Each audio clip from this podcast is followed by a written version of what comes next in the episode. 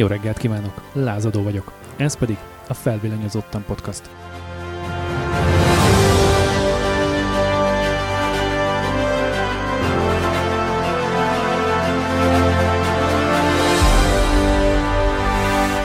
Ahogyan arról már említést tettünk, a Felvillanyozottan rovat külön vált és önálló podcastként él tovább, mint 100%-os Kanada banda produkció. Ennek okai a következők. Egyrészt nem mindenkit érdekel olyan részletességgel a villanyautók jelene és jövője, mint minket.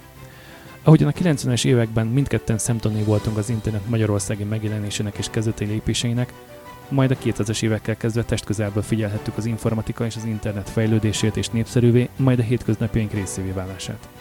Ahogyan akkor is részesei akartunk lenni, és végül részesei is lettünk ezen történelmi jelentőségű események sorozatának, ugyanúgy nem szeretnénk ki és lemaradni most sem, amikor az automobilitás változásának lehetünk szemtanúi.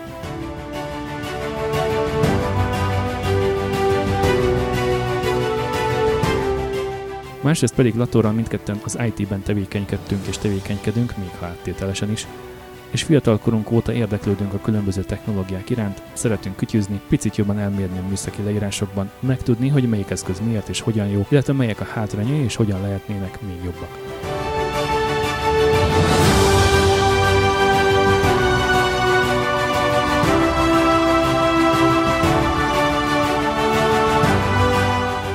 A Feldonyozottan podcast elindulását elsősorban az elektromobilizáció iránti kíváncsiságunk inspirálta, de emellett egyéb technológiák is reflektorfénybe kerülnek majd. A Felvillanyozottan podcast tematikája tehát nem csak a villanyautózásra fókuszál, hanem beszélni fogunk a számítógépekről és hálózati eszközökről, okostelefonokról és okosórákról, fényképezőgépekről és hangtechnikai eszközökről, azaz mindenről, amit elektromosság működtet. A különböző eszközök mellett alkalmanként maguk a gyártók és brandjék is a középpontba kerülnek majd, trendeket és eseteket is elemezni fogunk. Érintőlegesen pedig a környezetvédelem, a fenntartható fejlődés és a környezetbarátabb jövőkép is terítéken lesz. Azaz, a felvillanyozottan podcast adásai sokkal inkább lesznek technológiaiak, mint közéletiek. Első körben az elektromobilizáció témakörében szeretnék egy tematikus, tárgyilagos tudásbázist felépíteni.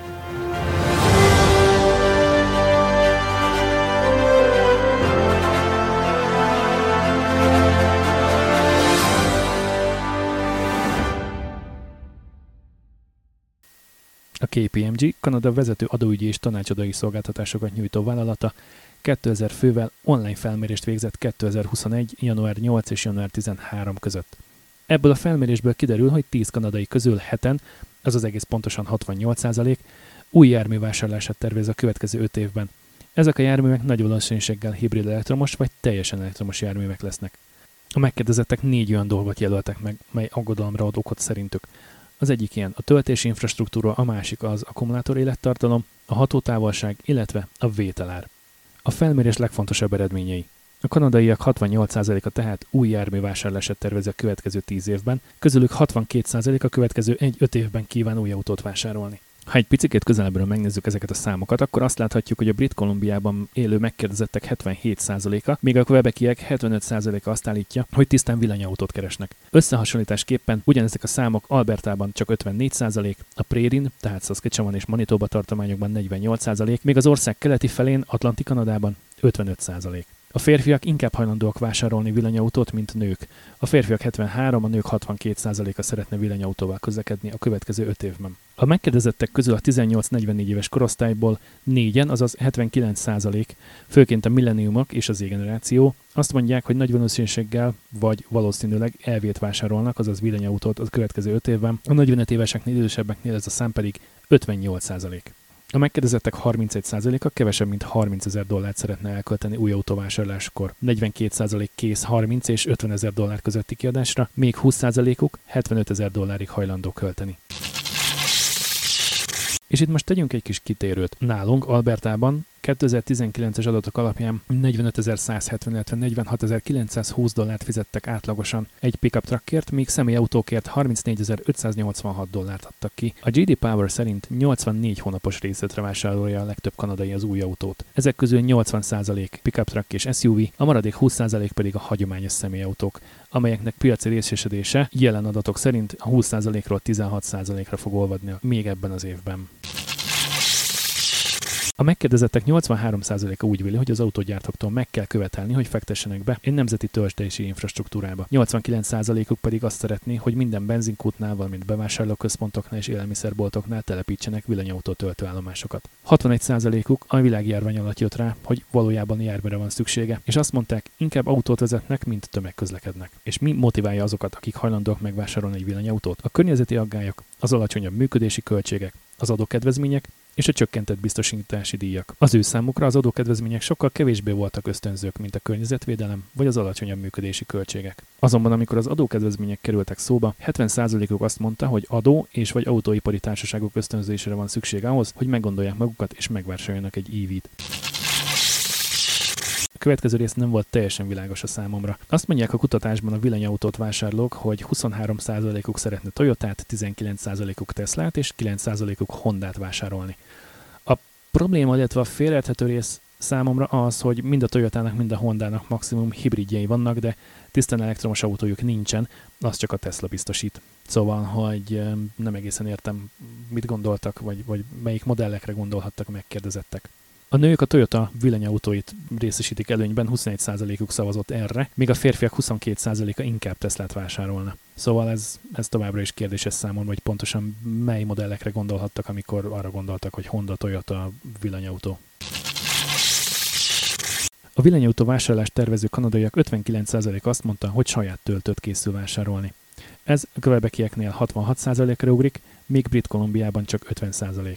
A megkérdezettek körülbelül negyede, azaz 26%-a még nem tudja, hogyan miként fogja feltölteni villanyautóját, de reménykedik abban, hogy társaságuk hamarosan telepít töltőket, és további 2%-uk azt tervezi, hogy a plázában, a bevásárlóközpontnál vagy a munkahelyén tölti majd leendő villanyautóját. A megkérdezett kanadaiak 77% azt szeretné, ha a villanyautó akkumulátora legalább 400 km-t tudna teljes feltöltöttség mellett. Kétharmadukat, az egész pontosan 67%-ot aggasztja a megbízható hatótávolság hideg időben.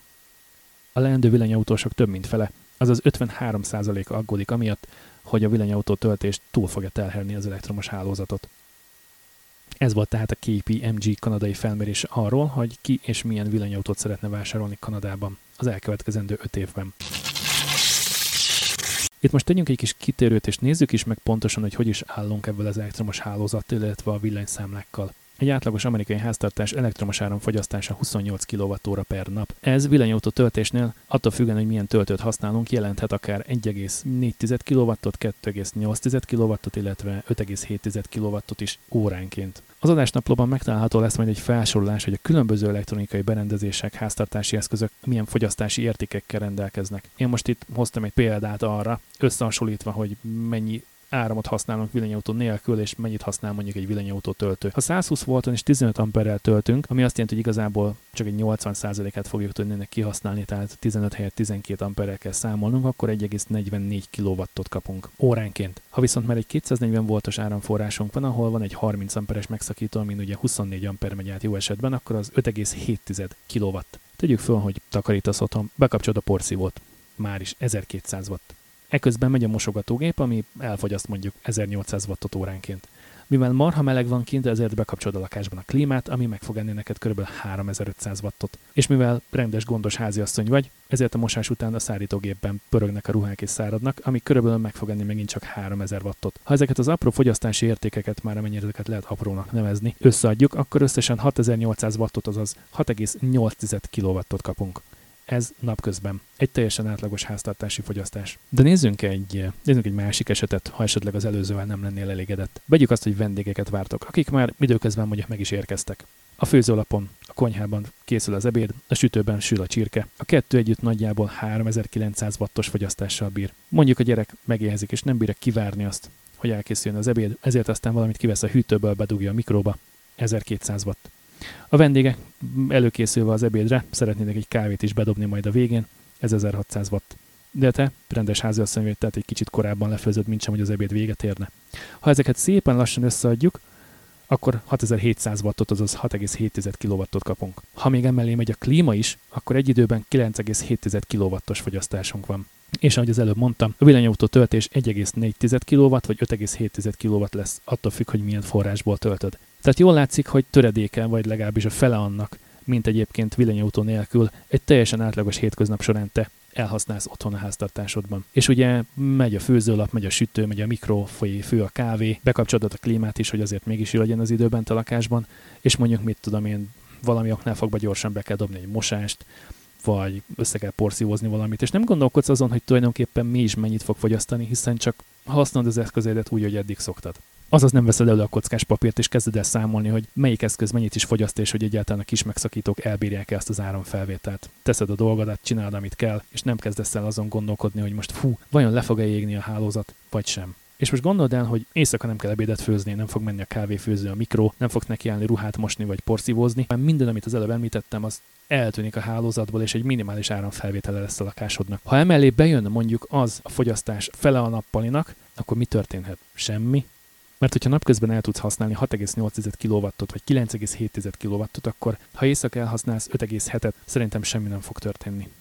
De ha még a klímát be is kapcsolva, bekapcsolva is hagyod az éjszakára, akkor az 5,7 meg 3 kW az 8,7 kW, ami még mindig kevesebb, mint 9,7 kW. Akárhogy nézem, egy villanyautó töltő sok mindent fog csinálni, de hogy nem fogja túlterhelni a hálózatot a legkevésbé sem, az szinte egészen biztos.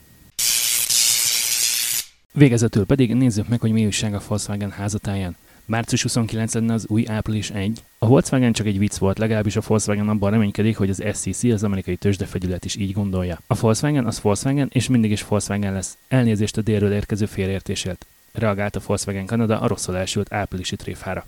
A névváltoztatás tényének híre első alkalommal március 29-én jelent meg a Volkswagen amerikai weboldalán. Ezt később eltávolították az oldalról, majd másnap reggel, március 30-án újra kikerült a hír szinte változatlan formában. Aznap Mark Gilles, az amerikai Volkswagen kommunikációs vezetője több újságíró számára szóban megerősítette, hogy a sajtótájékoztatóban foglaltak pontosak, és a névváltoztatás valós. Oké, okay, oké, okay, ez az egész nem is olyan nagy probléma, mindenki hibázhat. A probléma igazából abból adódik, hogy egyfelől a Volkswagen szóvivője hazudott az újságíró kérdésekre, másfelől pedig a névváltoztatás hírére a Volkswagen papírjai 5%-ot emelkedtek a tőzsdén. Ez utóbbi pedig felkeltheti a tőzsdefelügyelet, tehát az SEC figyelmét, mivel ez a félrevezető kommunikáció pozitív irányba változtatta meg a részvény árfolyamát. Az SEC pedig úgy is értékelheti ezt a megtévesztő kommunikációt, hogy ezáltal szándékosan szerette volna a Volkswagen befolyásolni papírjainak értékét. Egyes elemzők szerint ez a meggondolatlan kommunikáció tetemes bírságot róhat a Volkswagen amerikai lányvállalatára. Informatikai tudásom megcsillagtatva leellenőztem három darab domaint, a Volkswagen.eu-t, amelyet 2019-ben regisztráltak. Megkerestem a Volkswagen.de-t, ami a németországi vagy német domain, azt 2015-ben módosították utoljára. Sajnos arra nem találtam érdemi információt, hogy mikor regisztrálták be a domaint. Az utolsó változtatás körülbelül 6 évvel ezelőtt történt. Végezetül pedig a Volkswagen.com, amelyet 2003-ban, idestova 18 évvel ezelőtt regisztráltak. Milyen érdekes, hogy azóta mm, nem is történt igazából ebből a névvel semmi, hogy egyetlen egy pillanatban sem gondolta, hogy a Volkswagen vezetősége, hogy ezt föl lehetne használni, viccen kívül valami komolyabb dolgokra is. Na mindegy, ez már történelem. Amint mi meg kell említenünk a volkswagen kapcsolatban, hogy megkezdődtek az ID4 kiszállítások Európában és az USA-ban. Németországban az ID4 vagy ID4 vagy ID4 ajánlott kereskedelmi ára 36.950 euróról indul, ennek a modellnek 109 kW-os teljesítményt és 220 Nm nyomatékot kínál a villanymotorja, a nettó 52 kWh akkumulátor pedig kb. 345 km elegendő hatótámot kínál. Az ID4 Pro foglalás is elérhető már az Egyesült Államokban, ennek az induló ára 39.995 dollár lesz, de a Federal Tax kredittel 7500 dollár ebből jóváírható. A limitált darabszámú ID4 First Edition pedig 43.995 dollárba fog kerülni, természetesen erre is igénybe vehető a 7500 dolláros Federal Tax Credit. Az ID4 magyarországi árairól is van már információ, 17 millió 359 630 forinttól egészen 21 millió 407 120 forint közötti összegig terjed az áruk. Az importőr 600 ezer forintos árkedvezménnyel kezdi meg a modellek forgalmazását. Ha már ilyen jól belemélyedtünk a Volkswagen csoport villanyautóiba, tekintsük át egy kicsikét a márka kínálatot. Villanyautós fronton a Volkswagennél az ID, az Audi-nál az e-tron, a Skodánál az IV bárkajelzés használatos. Na de milyen helyzet a Seattal és a Cuprával? Aki esetleg kevésbé lenne képben a Volkswagen csoport márkait illetően, akkor annak egy kis segítség. A Volkswagen AG-hez tartozik a Volkswagen branden kívül az Audi, a Seat, a Skoda, a Bentley, a Bugatti, a Lamborghini és természetesen a Porsche. A helyzet az, hogy a Seatnál és a Cupránál semmi következetességet nem vélek felfedezni villanyautós fronton. A Cuprának és a Seatnak is vannak beígérve elektromos modelljei, de ezek tulajdonképpen, ahogy már a benzines modelleknél megszokhattuk, a Volkswagen elektromos modelljének átmárkazott változatai lesznek, azaz az ID3-ból és az ID4-ből lesz majd Skoda, Seat és Cupra. Akinek a Cupra név nem lenne ismerős. A Seat 2018 második felében, azaz körülbelül három éve találta ki, hogy kell nekik egy sportos, fiatalos, egyediséget és kifinomultságot kínáló márka, amely még a gyártó, a mai trendeknek megfelelően közösséget is építeni kíván. Bár a Fiatnak és a PSA-nak is bukta volt az Abarth és a DS brand, Kérdéses, hogy a Seat farvízi nevezgető kupra sikeres lesz-e valaha. Ugye jelen pillanatban is csak három átmaticázott Seat modellből áll a kínálatuk, és az első villanyautójuk is csak 2024-re van beígérve. A Volkswagen jó szokásához híven az egyszerűbb gyártási folyamatok és olcsó tömegtermelés fenntartása érdekében ugyanazokat a platformokat, ugyanazt a hajtásláncot, akupakkokat, villanymotorokat, alkatrészeket használja fel a különböző márkák modelljeiben. A villanyatok szerkezeti alapját az MEB platform, illetve vannak egy módosított változata adja jelenleg, de 2026-ra egy újabb, tisztán elektromos padlólemezis terítéken van, ez az SSP Scalable Systems Platform. Az egyetlen dolog, amely megkülönbözteti a Volkswagen csoport leendő modelljeit, az a külső és a belső dizájn, illetve az anyaghasználat, valamint az elérhető extrák listája. Semmi más. Már most is az egyes modellek eleje, hátulja és a beltér különbözik egymástól csupán, hol jobban, hol kevésbé, a későbbiekben még inkább hasonlítani fognak egymásra a házon belül gyártott modellek. Herbert Dies, a Volkswagen vezérigazgatója nemrégiben azt nyilatkozta, hogy a portfólió komplexitásának csökkentésén dolgoznak, ami magában foglalja az egyes modellekből elérhető variánsok számának lefaragását, valamint korlátozza a vásárlók egyéni konfigurációit, így az autóvásárlás lényegesen egyszerűbbé válhat. Ennek alapján kérdéses számomra, hogy érdemes lesz-e ugyanazt a padlólemezti villanymotort akupakot eltérő dizájnnal más-más márkanév alatt eladni. Itt álljunk meg egy pillanatra, és utazzunk vissza az időben egy kicsit. Ugyanezt csinálta a General Motors is annak idején, csak hogy két példát hozzak. 2004 és 2008 között a General Motors 6 darab különböző márkanév alatt árulta ugyanazt az autót. Egy és ugyanazt a modellt, ugyanazt a formavilágot, nagyjából ugyanazt a kínálatot jelentette a Saab 97X, a Buick Rainer, a Chevrolet Trailblazer, a GMC Envoy, az Oldsmobile Bravada, az Isuzu Ascender és a Chevrolet SSR is. És ha mindez nem lett volna elég, 2009 és 2017 között viszont még ezt is sikerült überelni a General Motorsnak. Ebben az időtartamban 8 darab márka néven forgalmazta egy és ugyanazon autóját. Ez pedig a Chevrolet Equinox volt, amelyet meg lehetett vásárolni GMC Terrain, Cadillac SRX, Saab 94X, Saturn Vue, Pontiac Torrent, Opel Antara vagy Suzuki XL7 néven. Minimális különbségek mellett nagy átfedésekkel ugyanazt az autót vásároltad meg, csak az eleje, a hátulja, meg a belső különbözött egymástól egy egészen picikét. De ugyanabban a gyárban ugyanazoktól az alkatrészeknek a felhasználásával készültek ezek a járművek. Ezt a fonalat tovább szőve a Volkswagen csoport prémium szegmense is érdekességekre számíthat a jövőben. Valószínűleg nem tudtátok, de 2020-ban a Lamborghini összesen 7430 darab autót adott el világszinten, ami 9%-kal kevesebb, mint 2019-ben volt. A Bentley 2020-ban rekordot döntött, mivel 11.206 darab autót sikerült értékesíteniük. A sor végére maradt a Bugatti, akiről 2020-as adatokat nem találtam, így a 2019-essel vagyunk kénytelenek beérni, ez pedig érdésmond 82 darab autót jelentett. Igen, a Bugatti kevesebb, mint 100 darab autót adott el egy egész évben, az egész bolygón. Valószínűleg ez lehet az oka annak, hogy a Bugatti térképes keresője úgy néz ki, ahogy nagyon olcsó benyomást kelt.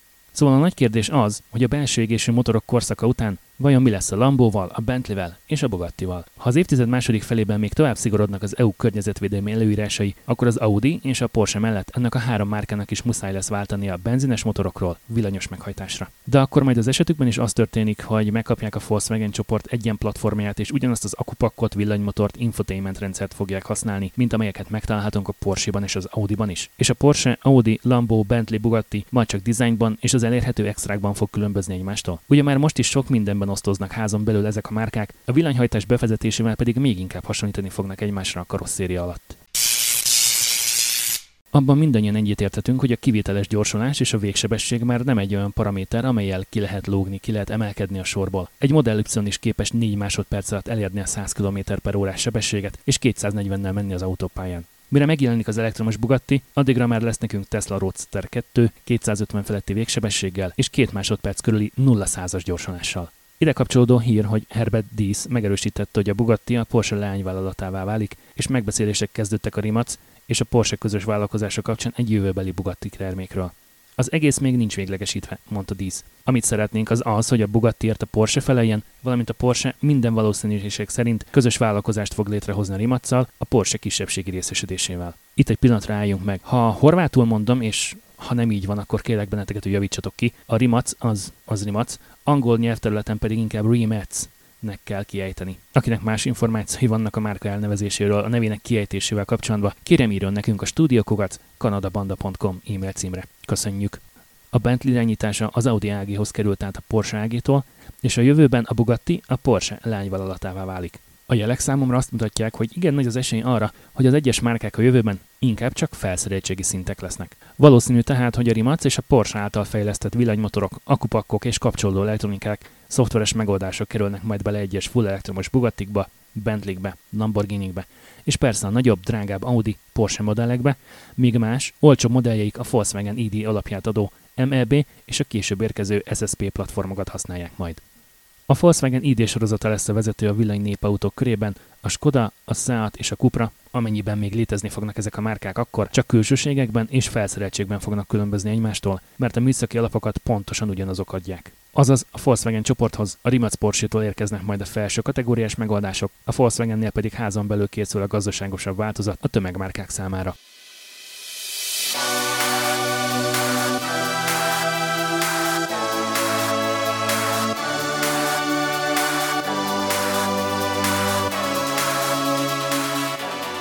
Ez volt a Felvillanyozottan podcast első adása. Tartsatok velünk legközelebb is. A második részben már Lator is itt lesz, és a kanadai villanyautó vásárlás és tulajdonlás lehetőségeit beszéljük majd át Z-ig. Észrevételeiteket, kérdéseiteket a stúdiókukat kanadabanda.com e-mail címen várjuk. Köszönöm a megtisztelő figyelmét mindenkinek, sziasztok!